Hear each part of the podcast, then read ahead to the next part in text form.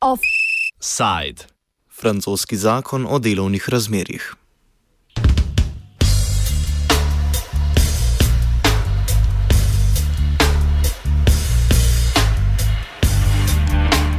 Francosko ministrstvo za delo je februarja objavilo osnutek novele zakona o delovnih razmerjih.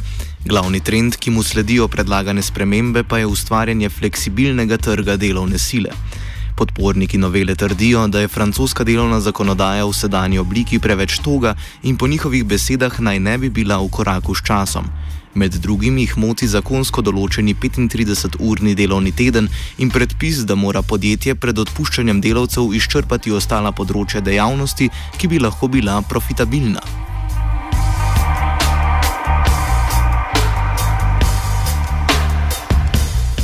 Po noveli zakona naj bi odpuščanje delavcev bilo upravičeno že v primeru padca prodaje ali izgub povezanih z operativnimi stroški. Novela zakona pa delodajalcem dopušča, da se glede delovnih pogojev, kot so plačilo nadur in maksimalnega delovnega časa, pogajajo neposredno z zaposlenimi, kar je v nasprotju s sedanjo zakonodajo, ki ob pogajanjih zahteva prisotnost sindikata. Med predlogi je bil tudi maksimalni znesek, ki bi ga delavec lahko prejemal za izgubo zaposlitve, ki pa je bil zaradi množičnega nasprotovanja in protestov omiljen v tako imenovani priporočeni maksimalni znesek.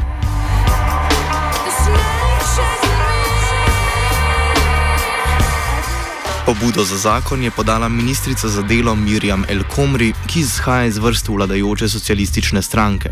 Medtem ko novela zakona uživa podporo premijeja Manuela Valsa in zmernih socialistov, pa je po drugi strani deležna velikega nasprotovanja.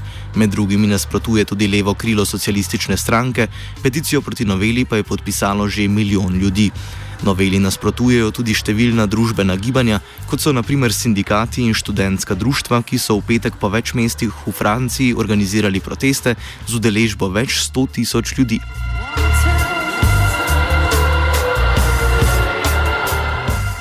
Zaradi množičnega nasprotovanja strani javnosti, ki je bilo izraženo tudi na petkovih protestih, je morala francoska vlada omiliti nekatere spremembe. Kaj natančno je bilo omiljeno in koliko se je politična situacija dejansko spremenila, nam razloži novinar Rafael Prust z časnika L'Opinion. Pre-bill because it wasn't the bill; it was just the, the, project of the bill that was that was announced. You know, there, there were certain measures that were likely to be uh, fought by you know even within the Socialist Party because um, I'm thinking about you know like the uh, making uh, making it easier for companies to fire people, for instance or just you know um, putting some quotas like maximum uh, figures for you know the money you get when you uh, you're fired illegally by companies. This was likely to be uh, fought by the government, so uh, that was the first measure that they decided to withdraw because it was like uh, you know uh, even the so-called reformist trade unions were against this. but there are certain measures like you know this. Um, money that is uh, given to young people when they um, they don't have any kind of formation or they don't have any job. Uh, you know, now they will have the possibility to get some money to get a formation, uh, but we still don't know if it's uh, going to be like for every young people or just from some categories of them. Uh, so that's one of the things that is still in the in the bill. But you know, the situation politically hasn't changed much because uh, the trade unions, uh, student and workers trade unions that were against the, the, the bill are still calling for protests this week and another next week. Uh, so uh, politically, it hasn't changed much. The only thing that changed is that the Conservative Party, uh, some of some members of the Conservative Party said that they would likely uh, vote this law if it wouldn't be changed, but since it's been changed, now they have a good reason to say they won't uh, uh, vote for it in parliament.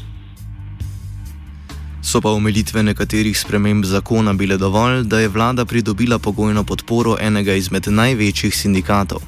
Because uh, the, the, these are the two main uh, worker trade unions in France, and the CFDT, uh, you know, they, they, they were not in favor of the text, but they were saying like, okay, there are some good measures in it, some good things that we want to uh, uh, keep negotiating with the government, uh, while the CGT was calling uh, the government was, was putting pressure on the government to withdraw the text and start a new one.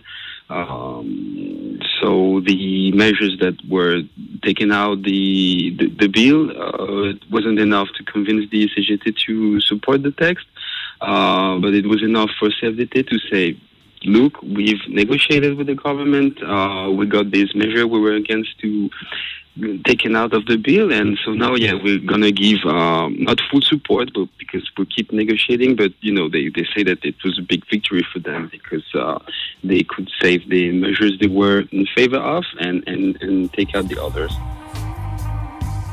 Prvotne spremembe delovne zakonodaje so bile precej neoliberalne, po množičnih protestih pa je vlada svoje stališče omilila. Prust komentira vladno preizkušanje mej civilne družbe. Pri oblikovanju zakona k sodelovanju ni povabila pomembnih deležnikov, naprimer sindikatov. Of course, if you ask members of you know government members, they would say that that's not the case. But we can. Uh, there's several things that can make us think that that's the case. Of course, because uh, as I said previously, uh, some measures were obviously um, too, I don't know if it's too liberal or too conservative, I don't know, but they were likely to be fought by the entire left wing and all the trade unions because even the trade unions that uh, negotiate with the government, uh, they say this, this, and that. No, it, it, it won't be, we won't be able to support this. So, uh, it's it's it seems obvious that the government knew this. They knew that these measures uh, could not be backed by the trade unions. But the big question for me is um, why the government didn't even ask the trade unions before. Why the government didn't uh, meet with the trade union to say this is the tracks, this is what we want to do. What, what what's your feeling about it?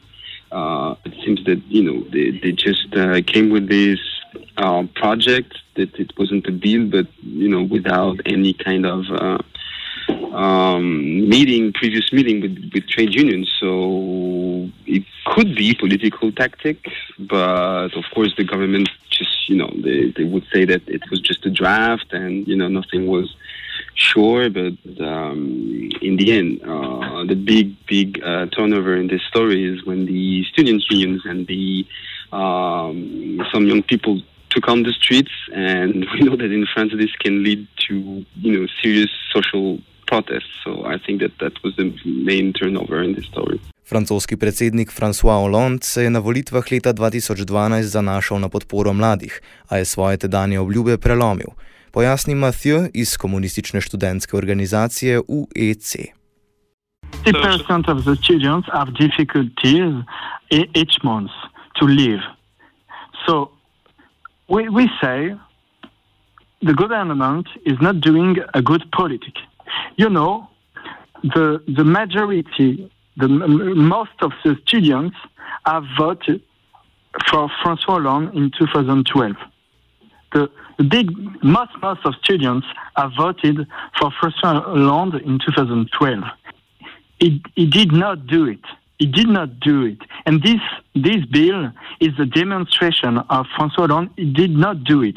Today there is lots uh, students in precarity, the unemployment of the young youth who have graduated is 40%. 40%, 40% of the youth is in, in graduate. So this is not, we can't say that the youth is a priority for the French government. That's why we are in the street uh, this month. Študenti so na ulicah tudi zaradi težkega ekonomskega položaja, ki je posledica če dalje bolj razširjenega prekarnega dela. Kot pove Mathieu, je prekarno zaposlenih okrog 50 odstotkov francoskih študentov. First of all, you know, the youth in France is, is so angry because this law is condemning the youth uh, at the precarity all along the life. You know, now the students uh, are in the poverty. They got jobs during the stu- during uh, the studying, and this is not a good situation. So we are angry because we can't accept this situation all along the life. But this law, this new law, proposed this situation all along the life. And that's why there's big demonstrations uh, in the country. And you know, it was uh, Wednesday, and the the next day of mobilization is uh, Thursday.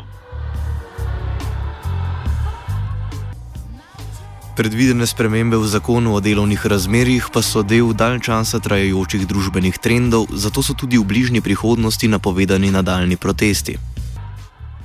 Yes. Uh, for the moment, we have done uh, one demonstration, and yesterday uh, it was a meeting of all the youth organizations, and uh, we planned three days of mobilization: uh, 17 March, 24 March, and 31 March. And our project is that the government say goodbye to this law. We want the government say goodbye to this law. Uh, 500,000 youth were in the street Wednesday, and I think the mobilization will be the, the next mobilization will be more important because the the the the anger of the youth is more important. And if I can explain a little bit, we want we want three new laws we want three measures for the youth. First of all, we want more scholarships for the students. Secondly, we want we want that the graduate is more recognized uh, after the study for the work, and we want a, a, a plan to create jobs for the youth, but real jobs, not jobs at uh, 400 euros, 500 euros. No, real uh, salaries and real jobs. Za zaključek Prust komentira, da je vključitev študentskega gibanja v nasprotovanje zakona pomembna prelomnica, saj ta gibanja zasedajo v družbenih bojih posebno mesto. Not really that they have a political power, but it's that they have this uh, um, mobilization power that, uh, you know, 10 years ago we had a very tough student uh, protest in France and it eventually led, uh, first it was the students in the streets, then it was the workers, then the trade unions, it was a lot of people, like almost a million. So uh, it's not that they have a political power, but it's, you know, it's, it's, it's easy for, for them to uh, organize big protests in the streets. They can eventually uh, lead to civil unrest and, and violence in the street, and that, that's the, that's the main fear. It's just you know when young people are taken on the streets, and if it uh, if it's you know the situation stays like this for too long, it can eventually lead to violence. It happened before, so and of course it's a bit hard for the president who said when before when he was running for president and he wanted to be elected, he said the youth is going to be my priority for this mandate. So, you know, the very even you see in the media that the young people take on the street against the president. Not very. It's not uh, mediatically good for the president's reputation. So it's not. It's not really about politics. It's more more about the fear of a big mobilization and big protests. Offside sta pripravila vajenec Klemen in noveli. Ob potegu na ročico bo ura točna.